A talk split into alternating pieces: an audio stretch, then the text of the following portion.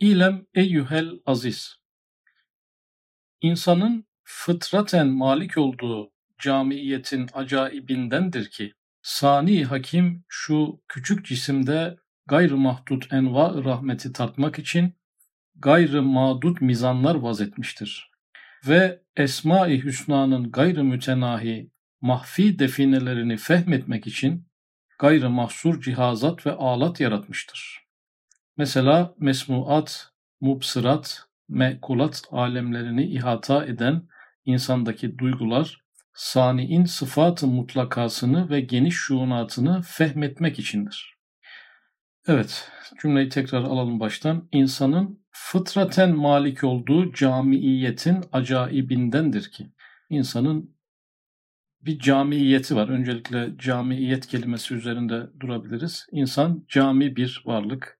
İçinde cemadat da var, hayvanat da var, nebatat da var, melek yönü var, şeytan yönü var insanın. Arştan bir iz düşün var, kalp. Kürsiden bir iz düşün var. Lehvi mahfuzdan bir iz düşün var, e, hafıza. Cenab-ı Allah'ın isim ve sıfatlarından bir takım numuneler ve işaretler suretinde, gölgeler çapında bile olsa bazı yansımalar var. Bu kadar büyük şeyler bu küçük insan cismine nasıl yerleştirilmiş?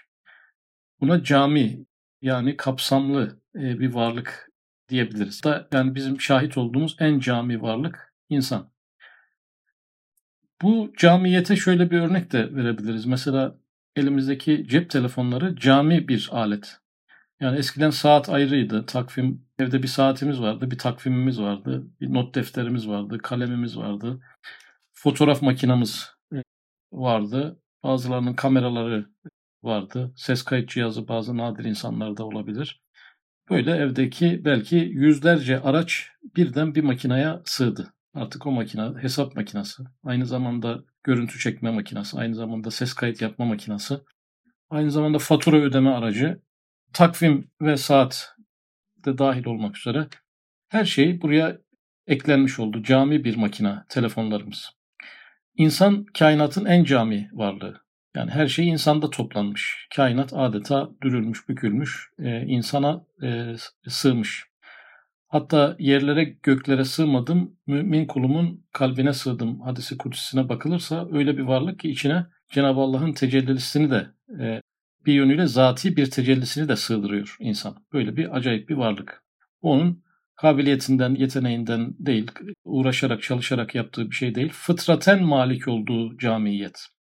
Bu insanın marifeti değil, Allah vergisi bir şey. Hem Allah vergisi hem de bedeli ağır olabilecek de bir şey. Yani bütün kainat e, bir aynaya sığıştırılırsa oradaki beklenti biraz farklı olabilir. Taşlardan, bitkilerden, ağaçlardan beklenmeyen bir şey insandan bekleniyor demek ki. Acayibindendir ki yani bu acayip bir durumdur ki sani hakim şu küçük cisimde gayrı mahdut enva rahmeti tartmak için gayrı madut mizanlar vazetmiştir. Şimdi öncelikle küçük cisim. insan küçük bir cisim. Bu küçük cismin içinde gayrı mağdut mizanlar var. Yani sayısız teraziler var. İnsan bir teraziler e, orkestrası. Nasıl teraziler? Sesleri tartıyor. Yüksek ses, alçak ses, gürültü, güzel ses, sesleri, kokuları tartıyor. Görüntüleri tartıyor. Düşünceleri tartıyor. İnsan böyle içinde pek çok terazilerin olduğu bir varlık. Bu teraziler ne için? Gayrı mahdut enva rahmeti tartmak için. Cenab-ı Allah'ın sayısı sınırsız rahmet çeşitlerini tartabilsin diye insanda bu teraziler var. Yani mesela termometre sadece sıcaklığı tartıyor. İşte terazi ağırlığı tartıyor ama insanda gayrı mağdut mizanlar. İnsandaki mizanları sayamayız. İnsan neler neler tartıyor. Dolayısıyla bu e, farklı farklı terazilerin sebebi rahmetin çeşitliliğini ona tattırmak. Rahmetler çok çeşitli olunca hepsini algılayabilsin diye insana çok çeşitli teraziler yerleştirilmiş. Ve Esma-i Hüsna'nın gayrı mütenahi mahfi definelerini fehmetmek için gayrı mahsur cihazat ve alat yaratmıştır. Gayrı mahsur cihazat ve alat yani insanın içinde yine sayılamayacak kadar cihazlar ve aletler var. Yani göz görüntüleri tartıyor dedik ama gözün kendisi de bir e, alet. Şimdi kulak da bir alet, kalp de bir alet. Akıl da bir alet. Nefs de bir alet. Yani bunların her biri bir alet. Bu, bu kadar aletin sebebine önceki teraziydi. Terazi sadece o şeylerin miktarlarını tartıyor, nimetlerin. Ama bu bunlar alet. Aletler o şeylerin niteliğini ancak bize gösteriyor. Miktarından ziyade varlığını bulabiliyoruz. Bu sayısız cihaz ve alatın sebebi şöyle açıklanmış. Esma-i Hüsna'nın gayrı mütenahi mahfi definelerini fehmetmek için. Yani Esma-ül Hüsna bir kere sonsuz. Onun e, yine gizli hazineleri de sonsuz. Ve bu gizli mahfi definelerini açmak için insana bu aletler e, verilmiş. Bu mahfi define gizli hazineler bize bir hadisi kutsi hatırlatıyor. Ben gizli bir hazineydim, bilinmeyi murad ettim ve kainatı yarattım. Bilinmeyi murad eden demek ki bu muradından evvel bir bilinmeme hali var. Bu bilinmeme hali mahfi, gizli, künuzu mahfiye, gizli hazineler. Nedir bu künuzu mahfiye, gizli hazineler nedir? Esma-i ilahiyedir. Neden gizli olsun ki? Şundan dolayı gizli biz göremiyoruz. Fakat neticelerini görüyoruz. Yani mesela Rezzak ismi mahfi bir hazinedir, gizli bir hazinedir. Rızıkları görüyoruz. Biz rızıkları yiyince yerlerine yeniler geliyor. Fakat biz o Rezzak ismini göremiyoruz. O bizim için gizli. Fakat biz onu rızıklarla fehmetmiş oluyoruz, anlamış oluyoruz. Kokularla başka bir esmayı fehmetmiş oluyoruz. Görüntülerle başka bir esma ilahiyi fehmetmiş oluyoruz. Bunlar biz bize yine de mahfi kalıyorlar. Mahfi olması bizim o ilahi ismi görmeyip de onun tezahürlerini görmemizle alakalı bir ifade. Fakat Esmaül Hüsna da sonsuz sayıda olduğu için bu defineler, defineler de sonsuz sayıda olduğu için insana bu defineleri dolayısıyla Esma ilahiyi tanıması için çok sayıda aletler insana takılmış. Mesela mesmuat, mubsırat, mekulat alemlerini ihata eden insandaki duygular sani'in sıfatı mutlakasını ve geniş şuunatını fehmetmek içindir. Mesmuat işittiğimiz şeyler, mubsırat gördüğümüz şeyler, mekulat da yediklerimiz. Bunlar pek çok duygumuzu çalıştırıyor. Bu çalışan duyguların varlığının sebebi de e, sani'in sıfatı mutlakasını ve geniş şuunatını fehmetmek içindir. Yani ben gördüğüme göre bana bu görmeyi veren görme özelliğinden mahrum olamaz. Asıl o görüyor ki bana onun bir gölgesini vermiş. Dolayısıyla bu görme bana benim işime pek çok kez yarıyorsa bile aslında en temelde bir şeyler görmem için değil. Hakiki göreni görmem için verilmiş. Ben bir şeyler işitiyorum. İşitiyorum ki aslında Semi ismini bilebileyim. Ben bir şeyler yiyorum ki Rezzak ismini bilebileyim. Asıl maksatları bu. Bu maksat da insanın zaten yaratılış maksadı ve bir insan hayatında bir tane görüntü görse, başka da görmese, ondan sonra gözlerini kaybetse e, kendisinin bu yöndeki yaratılışı tamamlanmış olur.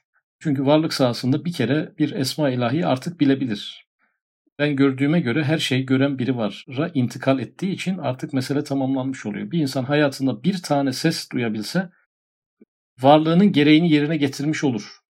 E, bu sesten sesi yaratana ve her sesi duyuyor olmasına intikal ettiği zaman zaten e, o noktada varlığı deneyimleme vazifesini tamamlamış olur. Şimdi bu duygular Cenab-ı Allah'ın sıfatı mutlakasını ve geniş şuunatını fehmetmek içindir diyor. Yani bu duygular ne içindir? Ciddi bir konu. Yani insan niye görüyor, niye işitiyor, niye yiyor, niye seviyor, niye öfkeleniyor, niye nefret ediyor, Niye endişeleri var, niye sevinçleri var? Ciddi bir problem bu. Bunun içinden çıkmak çok kolay bir konu değil.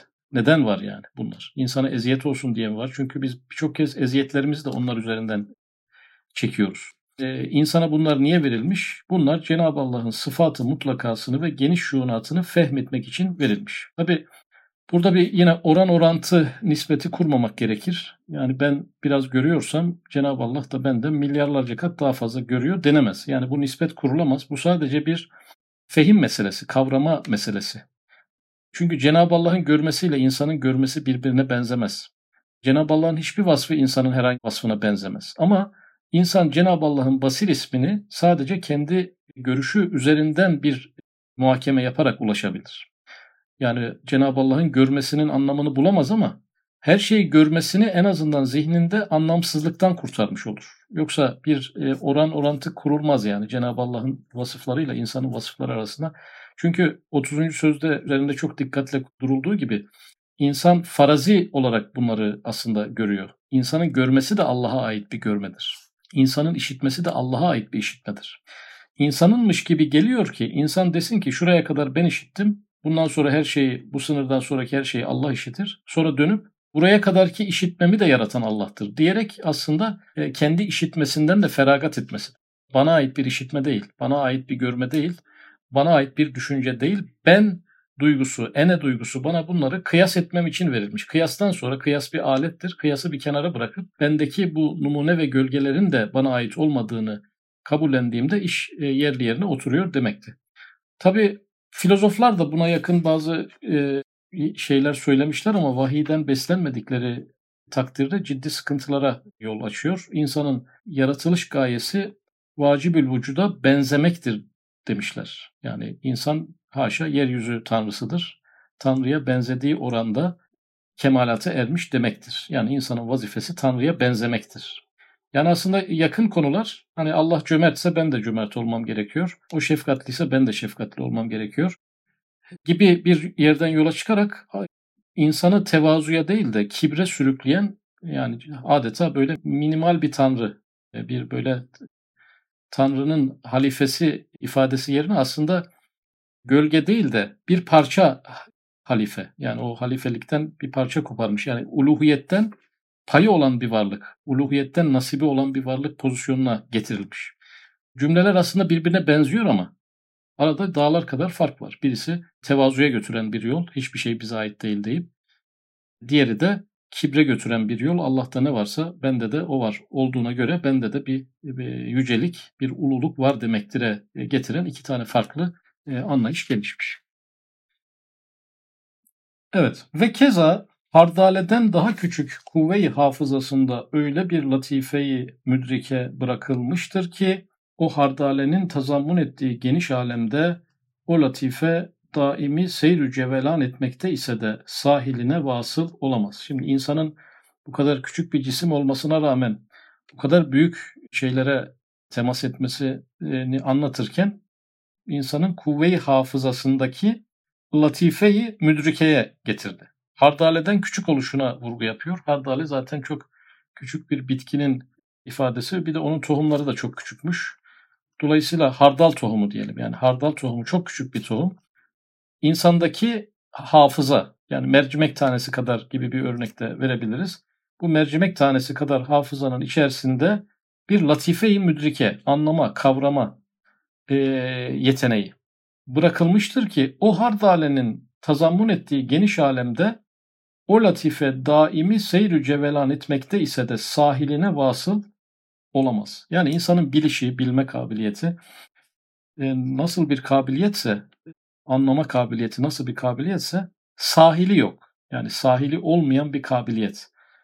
Yani insanın bilme yönü e, yaşlanınca yıpranan taraflarımız vardır. Onları saymıyoruz. Yani burada yani normal böyle ortalamada e, sağlıklı bir zihin. Yani bir yerden sonra bilemiyorum, e, bilme kotam doldu. Yeni bir şey öğrenemiyorum. Öğrenme işi bitti. Kotadan dolayı yani e, sığmıyor artık. Yani yeni bilgiyi sığdıramıyorum. E, hani USB belleklerde falan bunu yaşıyoruz. Artık sığmıyor. Yani o da elektronik bir şey ve bayağı da kapsamlı olabiliyor. Çok büyük ağırlıkta şeyler de alabiliyor bazen ama bir yerden sonra yok diyor. Ama insanın bu bilme ve öğrenme durumunda yani bir tıkanıklık yaşayan, artık yer kalmadı, yani bilgi sığışmıyor dediğimiz bir sahile varamıyoruz. Şimdi bu aslında ürpertici de bir durum. Yani insanda sonsuza benzer bazı yetenekler e, var. Mesela sevgi duygusu da öyle. Yani çok kişiyi sevdim, sevgi duygum yoruldu artık. Bir kişiyi daha sevecek takatim kalmadı. Olmuyor, böyle bir şey olmuyor. O kota bir türlü dolmuyor. Çünkü sınırsız verilmiş. Hudut konulmamış. Öfke de böyledir. Bütün insanlara öfkeliyim. Artık öfkemde yer kalmadı yani bir, bir kişiye daha yer öyle bir şey olamıyor. Çünkü Cenab-ı Allah bu duyguları insana hudutsuz vermiş. Zaten insanın imtihanı da burada başlıyor. Yani hududu olmayan bu duyguları yanlışlıkla hak etmeyen, onların onlara layık olmayan sınırlı mahdut varlıklara yönlendirip onları boğmamak. Yani Cenab-ı Allah'ı sevebileceğimiz derecede sonsuz bir duyguyu bir fani bir insana kilitleyip o yüce duyguyu o küçük bir e, zerrede boğmamak. İnsanın zaten e, imtihanı bu. Yani Cenab-ı Allah pek çok duygumuzu sınırlamış. Duyu organlarımız itibariyle yani gözümüze bir sınırı Cenab-ı Allah koymuş. Yani belli şeyleri göremiyoruz. Belli uzaklığı da göremiyoruz. Yani suyumuzdaki mikropları da göremiyoruz. Yani bize rahmet olmuş. Kısmayı bize bırakmamış. Güzel bizim için bir rahatlık sebebi. İşitirken de karıncanın ayak sesini de gezegenin dönüş sesini de duymuyor olmamız bir rahmettir. Her şeyi duymamak bize bir ikram olarak verilmiş. Orayı da Cenab-ı Allah kısıtlamış. Tad alma duygumuzu da öyle yapmış. Fakat bu sevgi gibi, korku gibi, öfke gibi, nefret gibi duyguları Cenab-ı Allah bu hudutları kendisi koymamış. Gözümüzde, kulağımızda koyduğumuz gibi onu belli frekans aralıklarına sıkıştırmamış. Bunu bize bırakmış. Yani insanın zaten imtihanı orada başlıyor. Yani dış duyu organlarını ben ayarladım ama içteki duyguları da sen ayarlayacaksın. Şeklinde insana bir kendisini terbiye etme, kendisini sınırlandırma, kendi hudutlarını kendi koymayla alakalı bir irade sergileyeceği alan e, bırakmış. Şimdi e, bunlara sahiline vasıl olamıyoruz. Yani bittiği noktalara gelemiyoruz. Buradan bir yere bağlayacak. Yani bu bu duyguların hafıza gibi, öğrenme gibi şeylerin sahiline varamıyor olmamız neyi gösteriyor? Mahaza bazen bu büyük alem o latifeye o kadar darlaşır ki alem o latifenin karnında bir zerre gibi olur ve o latifeyi bütün seyahat meydanlarıyla mütalaa ettiği kitaplarıyla o hardale dahi yutar, yerinde oturur, karnı da ağırmaz. Yani anlama, fehmetme, idrak etme latifemizle yani dünyayı da algılarız. Samanyolu galaksisini de algılarız ama topyekün bütün varlığı da düşünebiliriz birden. Topyekün bütün varlıkla ilgili bir tespit de yapabiliriz. Varlığın tamamıyla ilgili. Varlığın tamamı şudur. Varlık şu demektir. Yani bu tür şeylere girişiriz. Yani fizik alem deriz, metafizik alem deriz, alemi şehadet, alemi gayb deriz. Onlar işte kürsinin yanında şu kadar küçücüktür deriz. Kürsi arşın yanında şöyledir deriz. Allah vardı daha önce bir şey yoktu. Aslında halen öyledir. Yani öyle şeyler söyler ki insan. Bütün varlığın tamamıyla alakalı tam bir tespit yapabilir. Bütün varlığın gördüğü ve görmediği bütün alemler hakkında tam bir tespiti bir anda yapabilir. Bu tespitin büyüklüğü onda bir sindirim problemine sebebiyet vermez. Ha kendi masasındaki kitaplar hakkında konuşmuş, ha kainatın ve yaşamın tamamı hakkında konuşmuş. Ha bir yabancı dil öğrenmiş, ha kainatın tamamının yaratılma hikmetini öğrenmiş. Buralarda bir sindirim problemi yaşamaz. Yani bilginin büyüklüğü insanda bir kasılmaya, zorlanmaya sebebiyet vermez. Bu bu da insan için tehlikeli bir durum. Yani bu kadar yetki kime verilebilir? Yani bu kadar şeyi düşünebilme, her istediğini düşünebilme ve bütün varlığın tamamını düşünebilme, tamamıyla ilgili bir yorum yapabilme, fikir yürütebilme veya varlığın tamamıyla ilgili gelen bilgileri değerlendirebilme yetkisi verilmiş insana. Ve bu büyük bilgiyi yutar diyor, yerinde oturur, karnı da ağırmaz diyor. Hani insan çok yemek yiyince karnı ağrır, hudutları açtığından dolayı. Ama bilgide böyle bir şey yoktur. Yani bilgi insanın e, akıl midesinin karnını ağırtan bir şey değildir. Hatta belki genişleten de bir şeydir. İşte insanın mütefavit mertebeleri bu sırdan anlaşılır. İnsanın mütefavit mertebeleri. Yani insanın mertebeleri şimdi iki hayvan arasında ki farklar çok minimal seviyede e, olabilir. Yani iki bitki arasında hatta iki bitki türü arasındaki farklar da çok aşırı olamaz. Fakat iki insan arasında çok büyük farklar oluşur birdenbire. Yani o iki insan iki tane alem, iki tane kainat gibi. Da iki kardeş arasında, iki tane kardeş arasında akla hayale gelmeyecek farklar oluşur. İnsanın mertebeleri. Biri göktedir, biri zeminin yerin dibinde olabilir. Yani bu insana has. Yani bu e, insanla insanın skalasının açıklığı, e, bu kadar fazlalığı bu insana has e, bir durum. Yani kim insan melekleri geçer, Kimi insan da şeytanları hayran bırakabilir ve bu iki insan aynı sokakta, aynı ailenin çocuğu, aynı şartlarda yetişmiş insanlar da olabilirler. Evet, bazı insanlar zerrede boğulurlar. Bazısında da dünya boğulur. bazı insanlar zerrede boğulurlar. Şimdi en alt mertebe bu. Yani insanların çok alt mertebeleri vardır. En alt mertebeleri bu. Nedir o? Zerrede boğulmak. Yani biri bir makama sahip olur kendini kaybeder. Kimi insanlar işte bir zerrede boğulurlar. Yani e, kabı küçüktür. Yani bir insanın sevgisinde boğulabilir. Yani birisini severken. Kendi aile, ailesine bağlılığında boğulabilir. Haneperestlikte boğulabilir. Yani evini çok sever. E, o yani koskoca insan yani miraç yapabilecek seviyede insan e, oldu. Hazreti Peygamber aleyhisselam miracının gölgesinde her insan miraç yapabilecek potansiyeldedir. Ama o haneperestlikte boğulabilir. Biri suretperestlikte boğulabilir. Ee, yani birisi şehvette boğulabilir. Birisi öfkede boğulabilir. Yani bu en alt seviye bu. Bazı insanlar zerrede boğulurlar. Yani Cenab-ı Allah'ın onun önüne koyduğu ilk imtihana dalar o suyun içinden çıkamazlar. Yani belli bir yaşa kadar hiç imtihan olmamıştır ama karşısına ilk çıkar çıkmaz hemen mesela korku. Hayatında bir defa çıkmıştır ama orada iptal etmiştir hemen her şeyi. Yani zerrede boğulan insanlar vardır. Bu en alt mertebe bu. Bazısında da dünya boğulur. Şimdi bu da yani bu da ilginç bir ifade. Bunu bugün üzerinde düşündüm çok açıkçası. Aklıma değişik şeyler geldi ama isabet etmeme ihtimalim de yüksek. Bazısında da dünya boğulur. Şimdi bu da kendisini boğan değil de dünyayı boğan. Yani dünyayı hiçe sayan, hiçlik makamı. Yani yokluk. Bazılar da kendilerine verilen anahtarlardan birisiyle kesretin en geniş bir alemini açar fakat içinde boğulur. Şimdi bu da herhalde filozoflar kendilerine bir anahtar verilmiş, akıl. Şimdi elinde anahtar var diye kesretin en geniş bir alemini açar. Yani o anahtarla ben ben işi çözerim. Kendine bir özgüven duyar. Yani kainatın tılsımı muğlakını ben aklımla çözeceğim. Vahiyden faydalanmayacağım. Aklımla aklımın son damlasına kadar performansını sergileyerek belli bir mertebeye çıkacağım.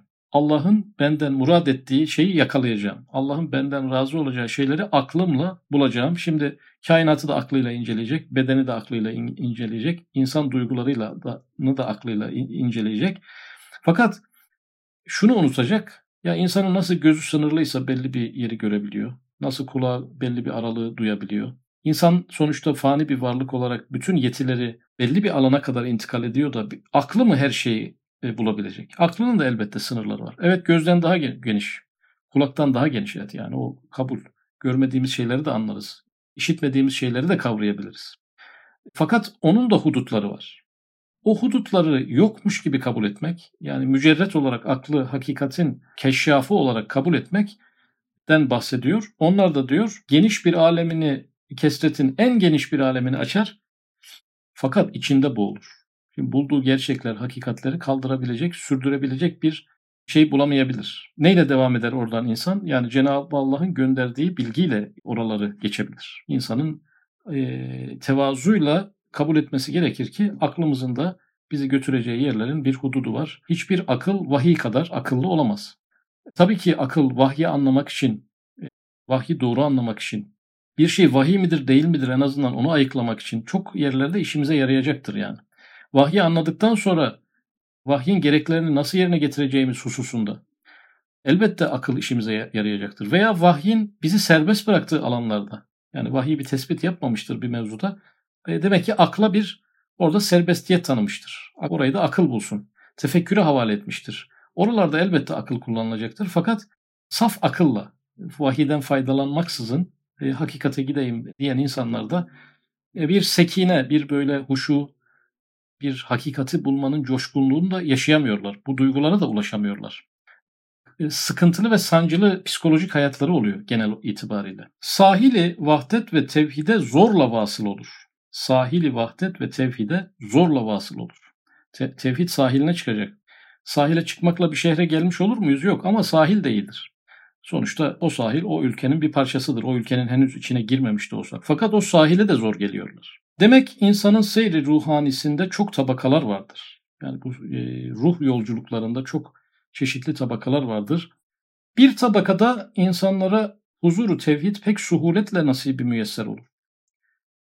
Yani bir grup tevhide yani tevhid huzuruna çok kolaylıkla erişiyorlar. Çok kolay nasip oluyor tevhid. Yani bir tabaka böyledir. Yani bunlar aslında herhalde yani peygamberler zaten tevhid içinde yaşıyorlar da. veraseti nübüvvet mesleği. Yani peygamberlerin yolundan giden insanlar bu tevhide çok hızlı ulaşıyorlar. Çok basit bir insan bile olsa, mi ve avam bir insan bile olsa tevhid meselesine hızlı bir şekilde ulaşıyor. Tevhidin bilgisi yetmiyor. Yani bu huzuru tevhid, tevhidin huzuru. Tevhidin huzuru nereden belli olur? Tevekkülden belli olur. Yani tevekküle ulaşmak, tevhidin huzuruna ulaşmak demektir. Bir insanda tevekkül varsa tevhide ulaşmış demektir. Tevhid zaten tevekkülün böyle ikiz kardeşi gibi bir şeydir. Dolayısıyla rahat edemeyen, gönlü rahat olamayan, halen endişe ve kargaşa içerisinde tevekkülün hakikatini tatmamış bir insanda tevhid problemleri vardır. Ama bir tabaka insan var ki doğrudan tevhid konusu ona çok kolay müyesser oluyor. Bir tabaka aslında diyor, bir tabakada insanlara huzuru tevhid pek suhuletle nasibi müyesser olur. Yani bir kısmına çok kolay nasip oluyor. Bir tabakasına da gafletü evham öyle istila eder ki kesret içinde gark olmakla tam manasıyla tevhidi unutmuş olur. Şimdi bir kısımda var ki aslında az önceki insanlardan yani bu tevhide kolay ulaşan insanlardan daha çok çabalar göstermişler. Daha çok böyle zihin sancısı çekmişler. Daha büyük gayretleri var. Araştırmaları, soruşturmaları daha fazla. Tabiatın da derinliklerini araştırıyorlar. Metafiziğe de e, ciddi manada yöneliyorlar. Fakat gafletü evham öyle istila eder ki diyor, kesret içinde gark olmakla tam manasıyla tevhidi unutmuş olur. Yani kesret hani e, kesret boğucu bir şeydir. Yani kesrete yöneldiğinizde, kesretten başladığınızda yani aslında başlanması gereken kısa yol şuydu. E, enfüsten başlarsanız diyor, yani enfüsü tedavi ederseniz o enfüsle afakta yani dış dünyada enfüsün yansımalarını bulursunuz tamam olur yani. Ama ben bir afakı dolaşayım, afakta önce hakikatleri bulup sonra nefsimde onları tatbik ederim derseniz afak sonu olmaz bir şey yani. Sonu, sonu gelmeyen bir konu. Sadece bir elma üzerine bile tam bir araştırma mümkün değil. Yani elmanın tamamı bitti. Elma ile ilgili bütün bilgiler diye bir kitap yayınlanamıyor. Yani ben bu elmayı bir anlayayım da ondan sonra bunu maneviyata bağlarız. Bunun mutlaka bir yaratıcısı var. Oradan girersek elma ile ilgili bilgiler de bitmez. Afaki tefekkürde icmali yap diyor üstad. Yani detaylara girme. Yani Allah'a bağlamaya çalış. Ne kadar bilgin var az veya çok ama elindeki bilgiyi hızlıca Allah'la ilişkilendirmeye çalış. Yoksa öyle bütün uzayı dolaşıp da Tanrı arayan insanlar gibi. Hani o bilim adamı dönmüş ya işte uzayda Tanrı diye bir şey görmedim diyor. Yani bu yaklaşımla dışarıdaki bilgilerden bizi e, hakikate götürecek bir şey arıyorsak ve önce bir dış, dışarı bir tam iyi olsun da yani orayı bir tamamlayalım eksiksiz kusursuz olsun da dış bilgimiz, dışarıya dair bilgimiz. Ondan imana yollar ararız demeye kimsenin ömrü de yetmez. Şimdi burada kesrete gark olmuş ya öyle bir dalmış ki ya bir araştırmacı diyelim ki e, ne, neyi araştırıyor olsun? Gezegenleri araştırıyor olsun, Mars'ı araştırıyor olsun. Bütün ömrünü ona verecek demektir. Fakat öyle bir giriyor ki o mevzunun içerisine. Evet yani o konuda hiç kimsenin alamayacağı mesafeyi alıyor. Fakat gafletü evham. Gaflet aslında şu demek. Ezbere bakmak. Yani bunun arkasında bir hakikat var mı yok mu? Bu niye böyle değil de bu nasıl? Nasıl oluyor? Nasıl çalışıyor? Tamamen buraya yönelip neden böyle sorusunu sormamak. Gaflet bir perdedir zaten. Tefekkür gafleti izale eder diyor. Yani oraya farklı bir bakışla bakmayınca e, sadece onun nasılına takılınca e, onun bir işaret değil de bir nesne olduğunu zannedince e, hani bir filozof demiş ben size parmaklarımla güneşi gösteriyorum ama siz parmaklarıma bakıyorsunuz. Şimdi hep o parmaklara bakınca işaret ettiği şeye bakmayınca burada da tam manasıyla tevhidi unutmuş olur. Buradaki tehlike kainatı çok değerli ve önemli görmek. Acayip derinlikler var çünkü. En son gele gele e, kainata bir ilahmış gibi bir muamele yapmak. Yani tabiatperestlik, panteizm, yani başka bir tanrıya da ihtiyaç yok. Kainat kendi içinde zaten bizim bu ihtiyacımızı giderecek bir derinlikte. Yani kainatın içindeki konularda kendini gark edenler bu seviyeye doğru geliyorlar. Açıkça bu cümleyi kullanmasalar bile kainatı bir tanrılaştırma eğilimine düşebiliyorlar. Tevhidi dolayısıyla hızlıca unutmuş oluyorlar. Şey gemi yolculuğundan Kindi bahsediyordu galiba yani. Gemi yolculuğunda yolda bir adada durmuşlar ama da o kadar güzel gelmiş ki uykuya dalmışlar, gemiyi kaçırmışlar. Yani insan da bir şeyi incelemeye, tefekkür etmeye başlayınca buradan bir hakikate varmayı unutabiliyor. Yani yola zaten öyle çıkmamışsa o Oradaki güzel, muhteşem e, hakikat onu kendisine gark ediyor, esir ediyor. Oradan bir türlü artık çıkamaz hale geliyor. Sükutu, suud, tedenniyi, terakki, cehli mürekkebi yakin, uykunun son perdesini intibah, zan ve tevehhüm eden bir kısım medeniler ikinci tabakadaki insanlardır. Şimdi ikinci tabaka az önce yadırgayarak anlattığımız ikinci tabaka bir kısım medeniler diye bir şey söyledi burada. Bir kısım medeniler. Yani kendilerini medeni olarak görüyorlar. Bunlar ne yapıyorlarmış? Sükutu suut tevehhüm ediyorlarmış. Yani aslında sukut düşüş demek yani. Düşüşü yükseliş zannediyorlar. Yani onlar aslında maddeye daldıkça biraz daha biraz daha kalp gözleri körleşiyor. Fakat maddeyle ilgili değil mi ki bilgileri artıyor, kendilerini de aydınlanmış, ilerlemiş sayıyorlar. Çünkü düne göre daha çok bilgililer. Fakat hakikat mektebinde düne göre daha gerilere düşmüşler. O yüzden düşüşü yükseliş zannetmişler. Bir insan düştüğünü fark ederse o tedaviye başlayabilir ama onu yükseliş adını yükseliş diye koyarsa o zaman tedavisi oldukça zor olur. Tedenniyi terakki tevehhüm etmişler diyor. Yani yine düşüşü ilerleme, gerilemeyi ilerleme zannetmişler. Cehli mürekkebi yakin zannetmişler. Yani cehalet bilmemektir. Cehli mürekkep zannediyorum bilmediğini bilmemektir. Bilmediğinin bilincinde olmamaktır. Cehli mürekkebi de yakin zannediyorlar. Yani e, hakikatle arasındaki perdeler arttıkça, çoğaldıkça e, daha cahiller aslında, düne göre daha cahiller ama bunu da yakin yani bir bilginin hakikatine erme şeklinde adını e, koymuşlar. Uykunun son perdesini intibah tevehhüm etmişler. Uykunun son perdesi. Aslında bu rüya ile ilgili bir yerde bunu anlatıyor e, üstad. Yani bir kişi rüyasında uyanmış. Rüyasından değil ama. Yani rüyasından normal bildiğimiz hayatı değil de rüyasındayken kendinin uyandığını görüyor. Ya, halen uykuda da gördüğü rüyanın içeriği bu. Uyanma rüyası.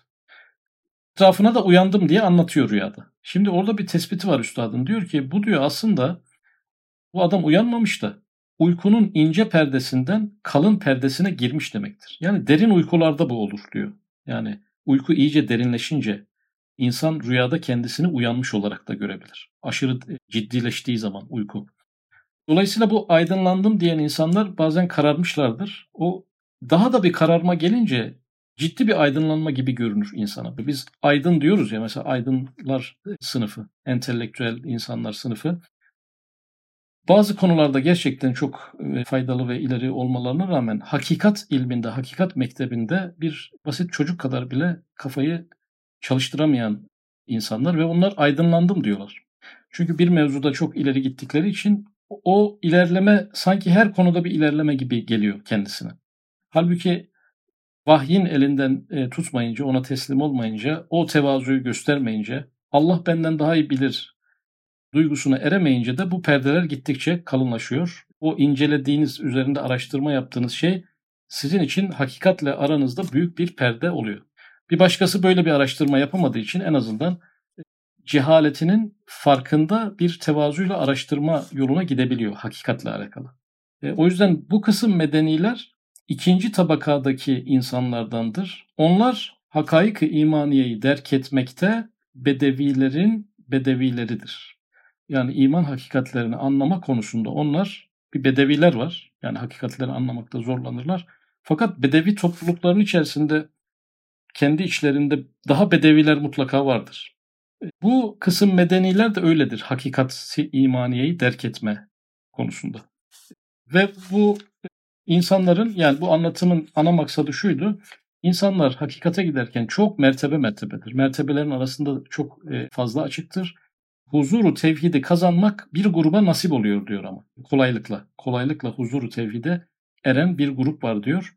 O filozoflardan da öte, bilim adamlarından da öte e, bir grup var. Yani bu grup artık burada detaylı bir şekilde bir e, tarif yapmamış ama bizim anladığımız kadarıyla veraseti nübüvvet mesleğini takip eden kişilerde bu tevhid mevzusu çok kolay bir şekilde insana e, nasip oluyor diye anladım.